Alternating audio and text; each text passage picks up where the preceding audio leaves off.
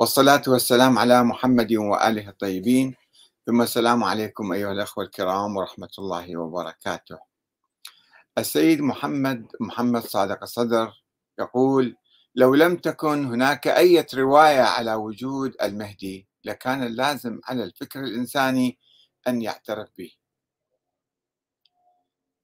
يقول ذلك في آه، الموسوعة المهدوية آه، وفي تاريخ الغيبة الكبرى القسم الرابع. آه، النقطة الثالثة. يقول آه، قوله عليه السلام في تلك الرواية وقد علم الله تعالى أن أولياءه لا يرتابون ولو علم أنهم يرتابون لما غيب عنهم حجته طرفة عين وهو تعبير ورد في عدة روايات نفهم من ذلك أن الارتياب والشك بوجود المهدي عليه السلام أثناء غيبته ناشئ في واقعه من الانحراف والفساد الموجود في هذا العصر. وأما لو خلي الفكر الإنساني المستقيم ونفسه لما رقى إليه الشك. ويقول أيضا ونحن وإن كنا قلنا أن طول الغيبة سبب للشك بحسب طبيعة البشر لكونها من الأمور غير المعهودة في ربوعهم إلا أن الشخص الذي يربط الأمور بمصدرها الحقيقي الأول تبارك وتعالى ويعرف قدرته الواسعة وحكمته اللانهائية لا يستبعد عليه التصدي لحفظ شخص معين امدا طويلا لأجل تنفيذ العدل في اليوم الموعود. بل يرى أن ذلك لازم ومتعين بعد قيام البرهان على وجود الغرض الأصلي من الخليقة وعلى حقيقته. وانحصار تحقق هذا الغرض بهذا الأسلوب بحيث لو لم تكن هناك أي رواية تدلنا على وجود المهدي لكان اللازم على الفكر الإنساني أن يعترف به. يعني العقل الإنساني يجب أن يعترف بوجود الإمام المهدي. ثم يشرح لماذا لا يعترف الناس بذلك؟ فيقول وإنما الذي يمنع من ذلك ويزرع في طريقه المصاعب والمتاعب هو الانحراف الفكري. ومن هنا نرى أن أولياء الله الممحصين الذين ليس للفتن إلى قلوبهم ولا للضغط والظلم طريق إلى قوة إرادتهم لا يرقى إليهم الشك في المهدي. لأن العوامل النفسية والموانع المنحرفة لذلك غير موجودة لديهم. فيبقون على الفطرة التي فطر الله الناس عليها من الإيمان بقدرته وحكمته فيسلمون بنتيجة الدليل القطعي الدال على وجود المهدي.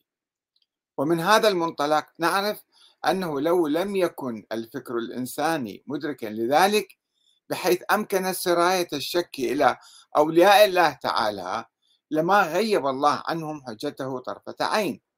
فيتعين المحافظة على ظهوره بالمقدار الذي يثبت وجوده وتقوم به الحجة في الإسلام. هذا آه، يسمى الدليل العقلي في إثبات وجود ولد للإمام العسكري وأنه هو الإمام وأنه هو المهدي المنتظر وأنه هو غائب وأنه حي حتى اليوم. والسيد محمد الصدر رحمة الله عليه بحث في موسوعته كل الروايات والقصص التي رويت حول الولادة وحول آه، رؤيته في الغيبة الصغرى ورؤيته في الغيبة الكبرى. ولكنه لم يبحث الدليل العقلي بصورة مستقلة. وكما نعرف هناك ثلاثة أدلة رئيسية حول آه، إثبات وجود الولد للإمام العسكري وأنه الإمام المهدي. وهذه الأدلة استعرضها آه، علماء الكلام الشيعة في القرن الثالث والقرن الرابع والخامس وحتى الآن يستمرون في الاستعانة بها. أولا الدليل العقلي هو أهم دليل عندهم الدليل العقلي. ثانيا الدليل الروائي ثالثا الدليل التاريخي. والدليل التاريخي من أضعف الأدلة لا يعتمدون عليه. معظم العلماء السابقين لا يعتمدون على الدليل التاريخي. قصة حكيمة ونرجس وولادتها القصة الأسطورية التي استعرضناها في بداية هذا المسلسل عن نقد آه، موسوعة الإمام المهدي للسيد محمد محمد صادق الصدر. ورأينا أن السيد محمد صادق الصدر يعني هو رجل أكيد ذكي وفاهم ودارس حتى علم الرجال ويعرف الأحاديث الصحيحة والأحاديث اللي مو مسندة مثلا أو مهملة مجهولة آه، ما يعتبرها. ولكنه لماذا إذا آه، تشبث بقصة آه، حكيمة وولادة يعني ولادة نرجس في أمام حكيمة. وهو يعرف أنها قصة جدا متهافتة يعني. لأنه في الحقيقة هو اعتمد على ما يسمى بالدليل العقلي كما شفنا الآن في كلامه يقول حتى إذا ما موجودة أي رواية العقل الإنساني الفكر الإنساني يمكن أن يصل إلى هذه النتيجة ولذلك هو أساسا كان يؤمن بموضوع معين بأدلة هو يعني أدلة فلسفية أو عقلية فتسامح في موضوع قصة حكيمة الأسطورية أو نرجس مثلا. يعني جابها أخذها مقدمة. أنا كنت أستغرب في الحقيقة شلون السيد محمد صادق الصدر محمد محمد صادق الصدر شلون يعتمد على هاي الرواية التاريخية وجعلها أساس كل ما بنى عليها بعد ذلك من قصص ونيابة خاصة ونيابة عامة وكذا وكذا. فالآن عثرت في هذا الجزء آه، القسم الرابع يعني من تاريخ الغيبة الكبرى بكلام صريح هو تقريبا يعني هو جزء من ما يسمى بالدليل العقلي والدليل العقلي مفصل. العلماء السابقون المفيد الطوسي المرتضى الصدوق آه، استعرضوا هذا الدليل بالتفصيل ولكنه هو اختصره جدا بكلمات.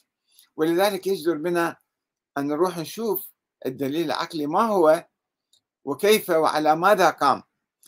بالحقيقة هو قام على يعني استنتج موضوعين الموضوع الأول هو الإمامة. يعني كان كل همهم وغمهم أن يثبتوا وجود الإمام المعين من قبل الله الإمام المعصوم الذي يكمل هذه السلسلة الاثنى عشرية. فكل المتكلمين والفلاسفة الأوائل كان همهم إثبات موضوع الإمامة ووجود الإمام الثاني عشر. لم يكونوا يتحدثون عن أنه هو المهدي. المهدي صفة أخرى بعدين لحقت به. السيد محمد الصدر نسى أو ترك أو أهمل موضوع آه، إثبات الإمامة وإنما انطلق لإثبات وجود محمد بن الحسن العسكري من موضوع المهدوية أنه لا بد في آخر الزمان الله سبحانه وتعالى يحقق العدل في العالم وهذا الهدف الأساسي من الخليقة وينشر الإسلام ومن يقوم بذلك هو محمد بن الحسن العسكري. يعني اعتمد على آه، دليل إضافي أو دليل جديد هو ضرورة المهدوية في آخر الزمان فإذا استنتج أن هذا المهدي قد ولد قبل 1200 سنة. ولكنه لم يقدم بالحقيقة أي دليل علمي أو تاريخي صحيح آه، على ولادة ووجود ابن الحسن وإنما افترضه افتراضا كما قلنا انطلاقا من فرضية وجوب سيادة العدل والإسلام في آخر الزمان. آه خلي نشوف العلماء السابقين ماذا قالوا في هذا الموضوع. فيما يسمى بالدليل العقلي. وأنا استعرضت كل هذه الأدلة في كتابي اللي شوفوا ورايا آه الإمام المهدي محمد بن الحسن العسكري حقيقة تاريخية أم فرضية فلسفية. وشفت أن الدليل الأقوى والأكبر والرئيسي والأهم الذي يقدموه هو الدليل العقلي. ويقولون الأدلة الأخرى نسامح فيها. الأدلة الروائية الأدلة التاريخية يعني نعرف هي أدلة ضعيفة ولكنها تجي من باب المعاضدة كما يقول الشيخ الطوسي. من باب معاضدة تأييد المعاضدة والتأييد للدليل الفلسفي أو العقلي أو الاعتباري كما يسموه. فماذا يقول هذا الدليل؟ خلاصة الدليل الفلسفي العقلي. هو يقوم على تقريبا يعني مجموعة مقولات. المقولة الأولى هي مقولة عقلية يعني ضرورة وجود الإمام أي الرئيس في الأرض. ما يمكن إحنا نشوف في البلد ما بي رئيس وعدم جواز بقاء البلاد فوضى بلا حكومة. هذا يسموه دليل عقلي. يعني كل العقلاء بالعالم يقولون لا يمكن أن تبقى الأمور فوضى لابد من رئيس. هذا هذه المقدمة الأولى. ثانيا المقدمات الأخرى اللي يجيبوها كلها مقدمات نقلية. ثانيا ضرورة عصمة الإمام من الله أن الإمام هذا أو الرئيس يعني يجب أن يكون معصوما وعدم جواز حكومة الفقهاء العدول أو الحكام العاديين. هذا كله ما يجوز. هكذا كانوا يقولون سابقا.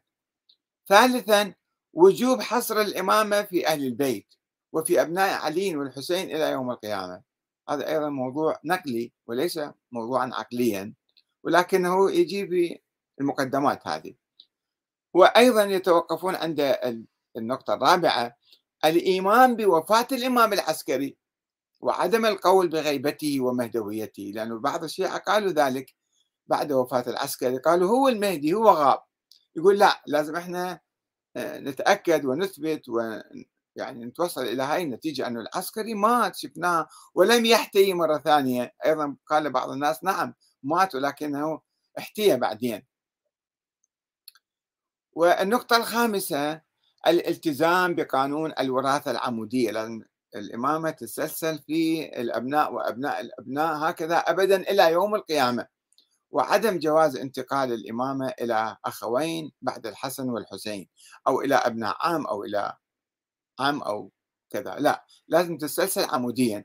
إذا هذه ما اعترف ما اعتقدنا بها أو شككنا بهذه المقدمات فما راح نتوصل إلى ضرورة افتراض وجود ولد للإمام العسكري. أكرر ضرورة افتراض وجود ولد. ما عندنا دليل. بالعكس كل الأدلة ضد هذا الوجود ولكننا يجب أن إذا إحنا آمنا بهاي النظرية نظرية الإمامة بهالصورة هذه فيجب أن نغمض عيوننا ونقول عنده ولد موجود بالسر. ليش ما نشوفه؟ ليش غايب؟ هذا بعد مو مهم. فإذا قدم المتكلمون الذين نظروا لوجود الإمام محمد بن الحسن العسكري قديما وحديثا.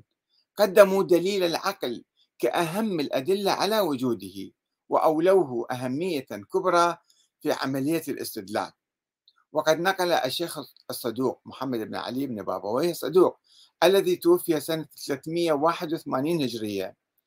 نقل في مقدمة كتابه قول المتكلم الشيعي المعاصر لتلك الفترة أبي سهل إسماعيل بن علي النوبختي في الغيبة الصغرى كان هذا الذي استدل على وجود ابن الحسن بالعقل. نفس الغيبة الصغرى كان نفس يعني في تلك الأيام. ما هو الدليل؟ قال العقل يثبت وجود هذا الولد. وذكر في كتابه التنبيه الذي ألفه بعد ثلاثين عاما من الغيبة. قال إن الشيعة قد علموا بوجود ابن الحسن بالاستدلال كما عرفوا الله والنبي وأمور الدين كلها بالاستدلال. يعني ما شفنا دليل تاريخي على وجود هذا الولد وما شفنا ولكن إحنا بالاستدلال العقلي يعني استنتجنا. هذا في آه، إكمال الدين صفحة 92 الشيخ صدوق ينقل هذا الكلام عن آه، النوبختي واعتبر الشيخ المفيد الذي توفي سنة 413 الدليل العقلي الذي يقتضي وجود الإمام المعصوم في كل زمان.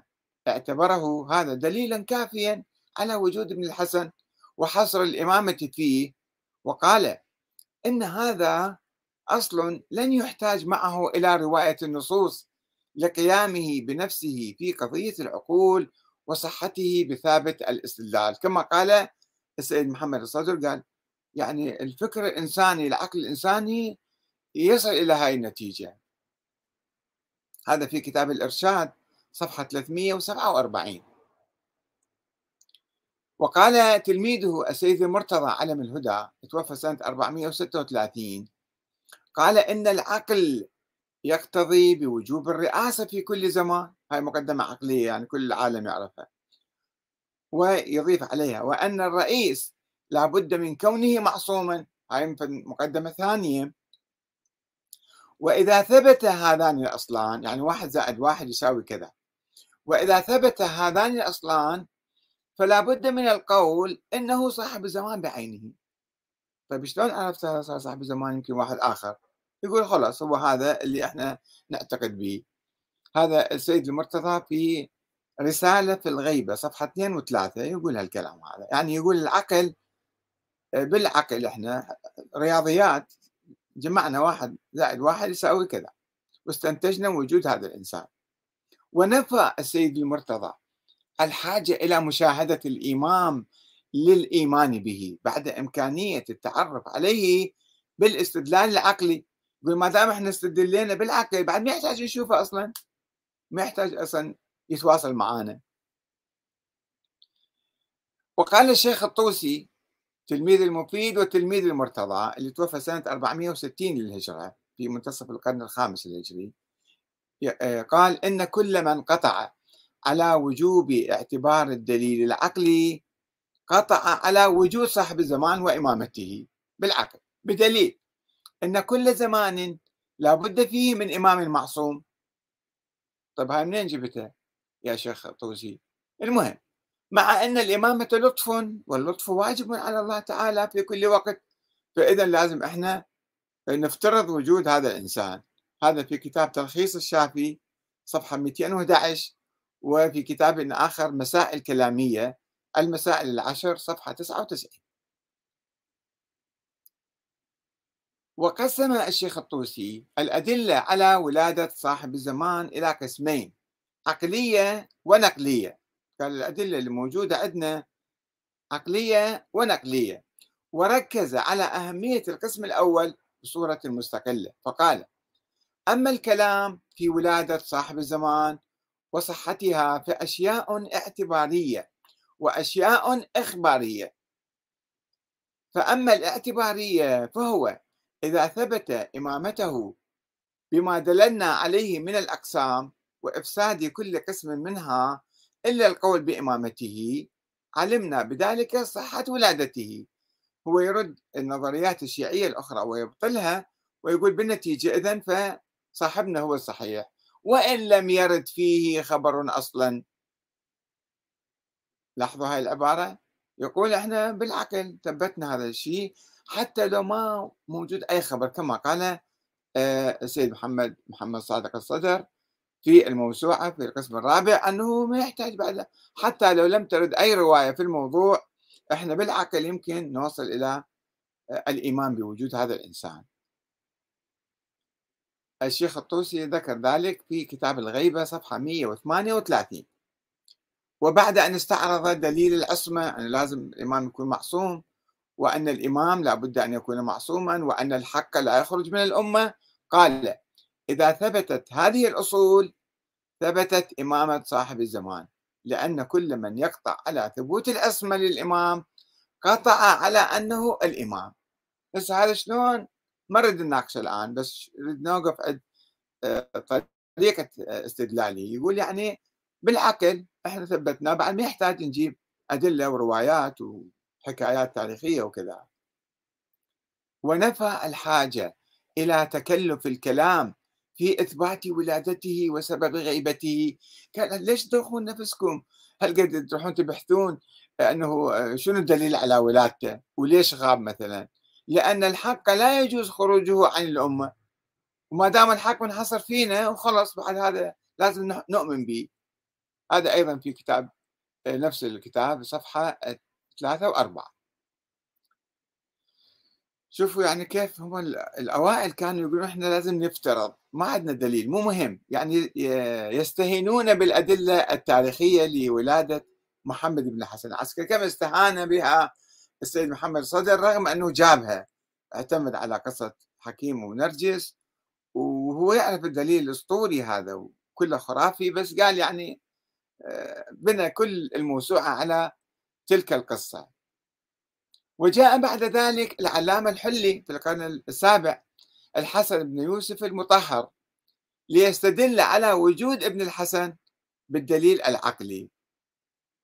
وقال إن الإمام الثاني عشر حي موجود من حين ولادته وهي سنة 256 إلى آخر زمان التكليف لأن كل زمان لا بد فيه من إمام معصوم لعموم الأدلة وغيره ليس بمعصوم فيكون هو الإمام معادلات رياضية سوى هذا في كتاب يدرسوه في الحوزة الآن في جامع المقدمات اسمه الباب الحادي عشر الفصل السادس.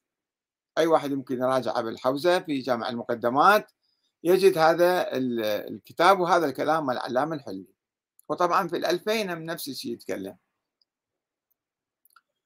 ثم نجي إلى العلامة محمد باكر المجلسي في عملية إثبات وجود ابن الحسن. كيف انطلق؟ انطلق من قاعدة الحسن والقبح العقليين. العقل هو يقبح بعض الأشياء ويحسن بعض الأشياء. هذا كلام بالأصول بعلم الأصول يعني. وقال إن العقل يحكم بأن اللطف على الله واجب وأن وجود الإمام لطف. وأنه لا بد أن يكون معصوما وأن العصمة لا تعلم إلا من جهته من الله يعني. وأن الإجماع واقع على عدم عصمة غير صاحب الزمان كل الآخرين مو معصومين. فيثبت وجوده عليه السلام. زين إحنا ما شفنا حتى نشوف معصوم ولا مو معصوم هو. شلون عرفنا أنه معصوم؟ أن البقية مو معصومين افتهمنا. بس هذا هو معصوم إحنا ما شفنا ولا التقينا به ولا عرفناه. فكيف عرفنا إنه هو معصوم؟ المهم هذا ما نريد نناقش الموضوع بس نريد نستشهد بأنه شوفوا شلون الطريقة اللي يثبت بها محمد باكر المجلسي يقول بالعقل بالعقل بهالمقدمات اللي يجيبهن وكلهم فيه النقاش طبعا. هذا في في بحار الأنوار جزء 51 يذكر هذا.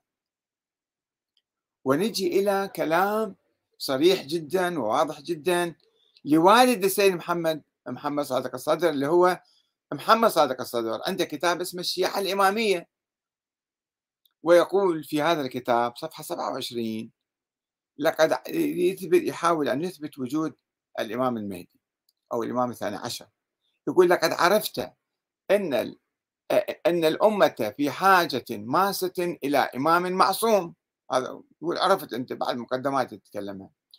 ولا شك أن هذه الحاجة ليست خاصة بوقت دون وقت مو فقط بوقت الأئمة وبعدين ما ما عندنا حاجة لهم أو عصر دون عصر لازم دائما عندنا إمام معصوم.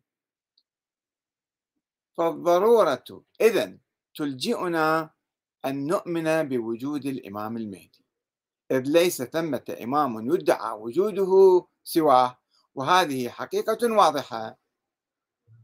شوفوا العبارة مالته يقول فالضرورة إذا تلجئنا أن نؤمن. يعني يقول إحنا ما عندنا دليل بس إحنا لازم نفترض وجوده. تلجئنا لازم يعني غصبا علينا إحنا نؤمن بوجود هذا الإمام. إذ ليس ثمة إمام يدعى وجوده سواه. طيب هو ما إحنا شاكين بوجوده أساسا. فشلون أنه دعوت وجوده؟ بعد أول كلام هذا. المهم فشوفوا أيضا الافتراض. هذا في الشيعة الإمامية صفحة 27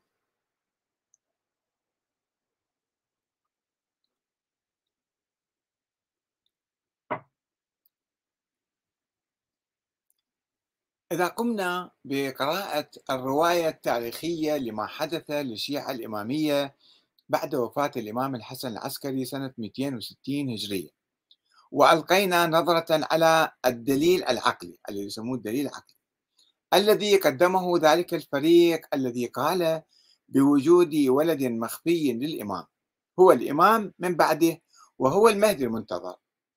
فإننا سنكتشف أزمة نظرية مر بها ذلك الفريق من الإمامية.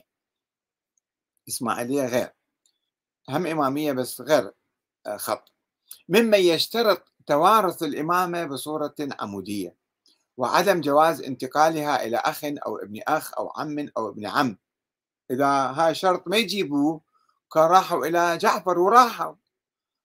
كثير من الشيعة إذا لم نقل أكثر الشيعة راحوا إلى القول بإمامة جعفر الزكي وصار الإمام الثاني عشر. مثل الفطاحية الفطاحية يقولون مثل عبد الله الأفطح ابن الصادق توفى وما عنده أولاد رحنا إلى أخيه موسى الكاظم. فهنا الحسن العسكري ما عنده أولاد نروح إلى أخيه جعفر الزكي وراحوا وانتهى الموضوع. ما اضطروا حتى يفترضون وجود ولد للإمام العسكري. ولكن كل اعتمادهم على هذا الشعار أو هذه المقولة أنه لازم الإمامة تتوارث بصورة عمودية والحسن العسكري توفى وما عنده أولاد ما شفنا عنده أولاد فلازم إحنا نفترض وجود ولد له أو بعض الشيعة سلموا بانقطاع الإمامة بعد وفاة العسكري دون خلف. قالوا خلاص العسكري ما عنده أولاد وانتهت الإمامة. أو افتراض وجود ولد له في السر بالرغم من عدم التصريح به أو الإعلان عنه أو وجود أي دليل عليه. وتفسير هذا الغموض والكتمان بالتقية والخوف من السلطة. ليش الإمام العسكري ما أعلن عن وجود ولد له؟ لأنه خاف يقتلوه. تقية سوى. بالرغم من عدم وجود أي مؤشرات تستدعي ذلك. وكان الدافع الرئيسي لهذا القول هو التمسك الشديد بقانون الوراثة العمودية وعدم جواز انتقال الإمامة إلى أخوين بعد الحسن والحسين. وبالرغم من أن هذا كان قولا ضعيفا ولم يجمع الشيعة الإمامية عليه في ذلك الوقت فإن المتكلمين الذين التزموا به جعلوا منه حجر زاوية في عملية الاستدلال على وجود ولد للإمام الحسن العسكري. وقد نسجوا منه ومن بقية القضايا الكلامية التي توجب العصمة في الإمام أو توجب النص في أهل البيت دليلا أسموه الدليل العقلي أو الفلسفي أو الاعتباري. إذا فإن الدليل العقلي كان أشبه بالافتراض الفلسفي العاري عن الإثبات التاريخي. هم يقولون ما يحتاج أصلا نحن نجيب دليل تاريخي ودائما يقولون لماذا أنت تصر على آه، الإتيان بالدليل التاريخي؟ إحنا عندنا الدليل العقلي كافي هذا. والغريب أن السيد المرتضى علم الهدى يتهم الذين قالوا بوجود ولد للإمام عبد الله الأفطاح قسم من الشيعة قالوا ذلك يقول يتهمهم باللجوء إلى اختراع شخصية وهمية اضطرارا من أجل الخروج من الحيرة والطريق المسدود. هذا في كتاب الشافي صفحة 184 فيقول ذولاك الشيعة الذين افترضوا وقالوا أنه اسمه محمد محمد بن عبد الله ابن الأفطاح وهو المهدي المنتظر وهو غائب فالفريق من الشيعة قال ذلك. يقول هؤلاء اخترعوا شخصية وهمية اضطرارا. هم اضطروا حتى يمشون الإمامة في صورة عمودية فما راحوا موسى بن جعفر. قالوا لا هو عنده ولد مخفي. ولكنه السيد المرتضى يمارس نفس الشيء في عملية افتراض وجود ولد الحسن العسكري وذلك اضطرارا من أجل الخروج من الحيرة التي عصفت بالشيعة الإمامية في منتصف القرن الثالث الهجري ولا بد بعد ذلك من الإشارة إلى أن تسمية عملية الاستدلال النظري على وجود ولد للحسن العسكري بالدليل العقلي. هو من باب التسامح والاستعارة هذا مو دليل عقلي هو بالحقيقة. وإلا فإنه أبعد ما يكون عن الاستدلال العقلي إذ يعتمد على مجموعة مقولات نقلية وبعضها أخبار آحاد بحاجة إلى إثبات الدلالة والسند. كمقولة الوراثة العمودية وعدم جواز انتقال الإمامة إلى أخوين بعد الحسن والحسين. هذا منين؟ لا آية قرآنية ولا حديث نبوي. ومن هنا فقد قال الشيخ الصدوق إن القول بغيبة صاحب الزمان مبني على القول بإمامة آبائه وإن هذا باب شرعي وليس بعقلي محض. هذا مو دليل عقلي محض. المقدمة الأولى مالته صحيح عقلية أنه الأرض لابد لها من إمام. ولكن البقية مقولات يسميها شرعية آه، أو نقلية يعني. فيقول هذا مو دليل عقلي ما بالتسامح إحنا نقول هالكلام. هذا في إكمال الدين صفحة 63 وهذا يعني أن المناقشة في أي مقدمة من مقدمات الدليل العقلي الطويلة كضرورة العصمة في الإمام وضرورة النص عليه من الله وثبوت الإمامة في أهل البيت وانحصارها في البيت الحسيني وكيفية انتقالها من إمام إلى إمام. ودعاوى بقية الأئمة الذين ادعوا الإمامة والمهدوية كمحمد بن حنفية وابنه أبي هاشم وزيد بن علي ومحمد بن عبد الله ذي النفس الزكية وإسماعيل بن جعفر وأبنائه وعبد الله الأفطح ومحمد بن علي الهادي.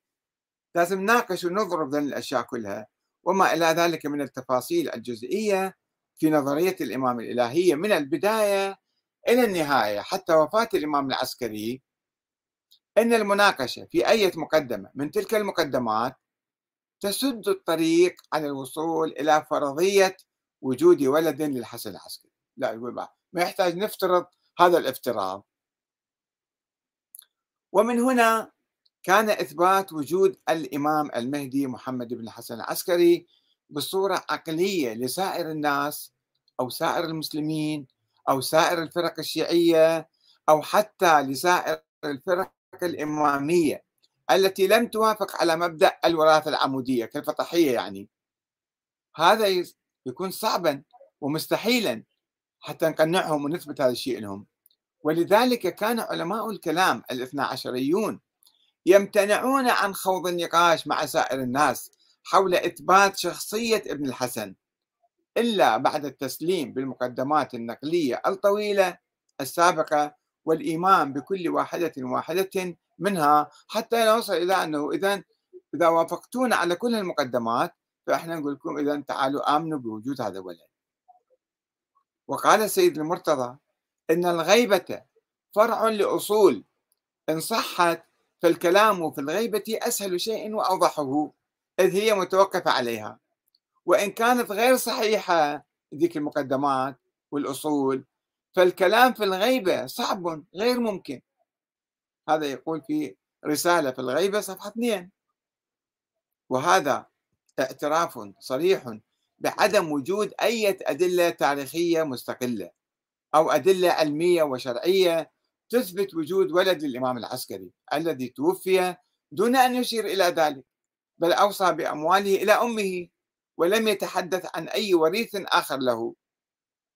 وأن افتراض وجود ولد له كان مبنيا على ضرورة استمرار الإمامة الإلهية إلى يوم القيامة ووجوب توارثها بصورة عمودية بالرغم من أن الإيمان بنظرية الإمامة أو التسليم بإمامة الحسن العسكري لم يكن يؤدي بالضرورة إلى وجوب الإيمان بوجود ولد له. يعني هذا أيضا حتى هذا كل الأدلة اللي يجيبوها ما تضطرنا إلى هذه الفرضية.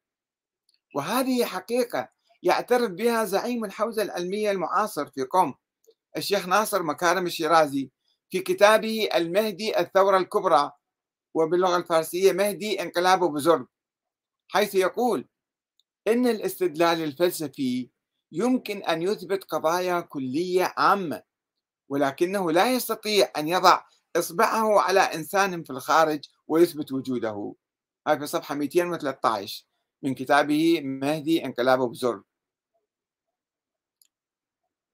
وهو في النهاية ليس إلا افتراضا وهميا وظنا بغير علم. هذا أن واحد يعتقد بوجود الإمام الثاني عشر ابن الحسن العسكري.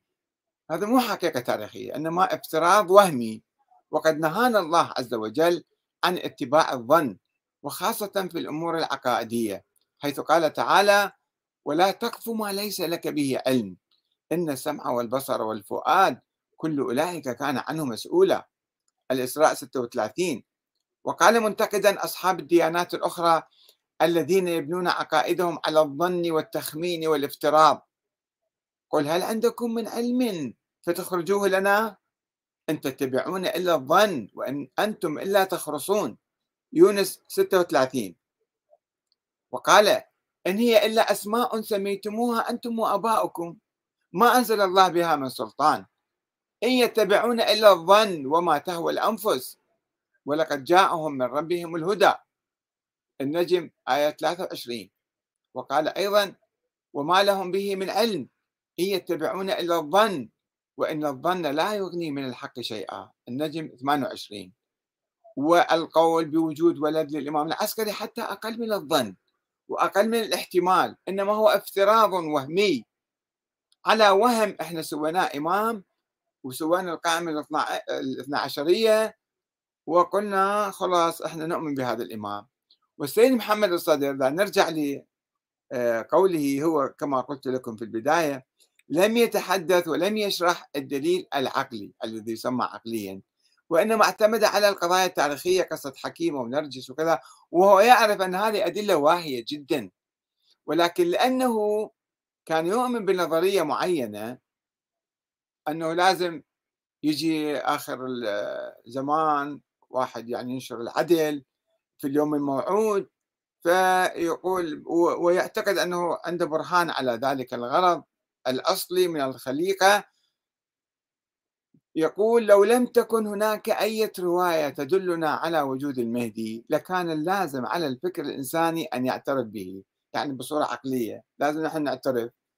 فهنا باختصار طبعا كما استعرضت لكم العلماء السابقين واللاحقين الذين شرحوا هذا الدليل العقلي ومنهم والده السيد محمد صادق الصدر وقال الضرورة تلجئنا إلى أن نؤمن بهذا الإنسان.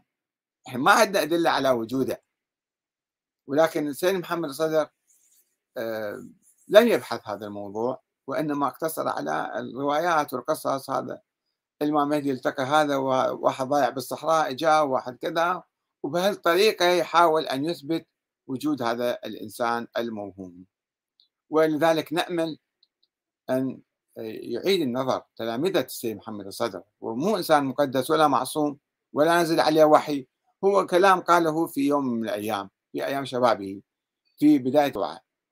واللي يحب محمد الصدر ويحب أهل البيت بالدرجة الأولى ويحب الإسلام عليه أن يعيد النظر في هذا الكلام في هذه الموسوعة وينتقدها ويتحرر من هيمنتها عليه من أجل بناء حياتنا الاجتماعية السياسية على أسس عقلانية أسس عقلية وشرعية. يعني أن نعزز النظام الديمقراطي العادل ونمارس الشورى في أحزابنا وتجمعاتنا. وداخل التيار الصدري لازم كل كل عضو بهذا التيار وكل شيعي يبادر آه، ممارسة التفكير والنقد والسؤال والنقاش والبحث لا يمشي بصورة عمياء وراء هذا أو وراء ذاك. لأنه هذا مثلا آه، مرجع معصوم أو مرجع عفوا آه، هو نائب الإمام وهو الحاكم الشرعي وهو مثلا ولي أمر المسلمين أو هذا ابن ذلك الولي. لا على كل واحد أن يشعر بحقوقه وبدوره في بناء المجتمع وبناء النظام السياسي العادل الجديد الديمقراطي. والسلام عليكم ورحمة الله وبركاته.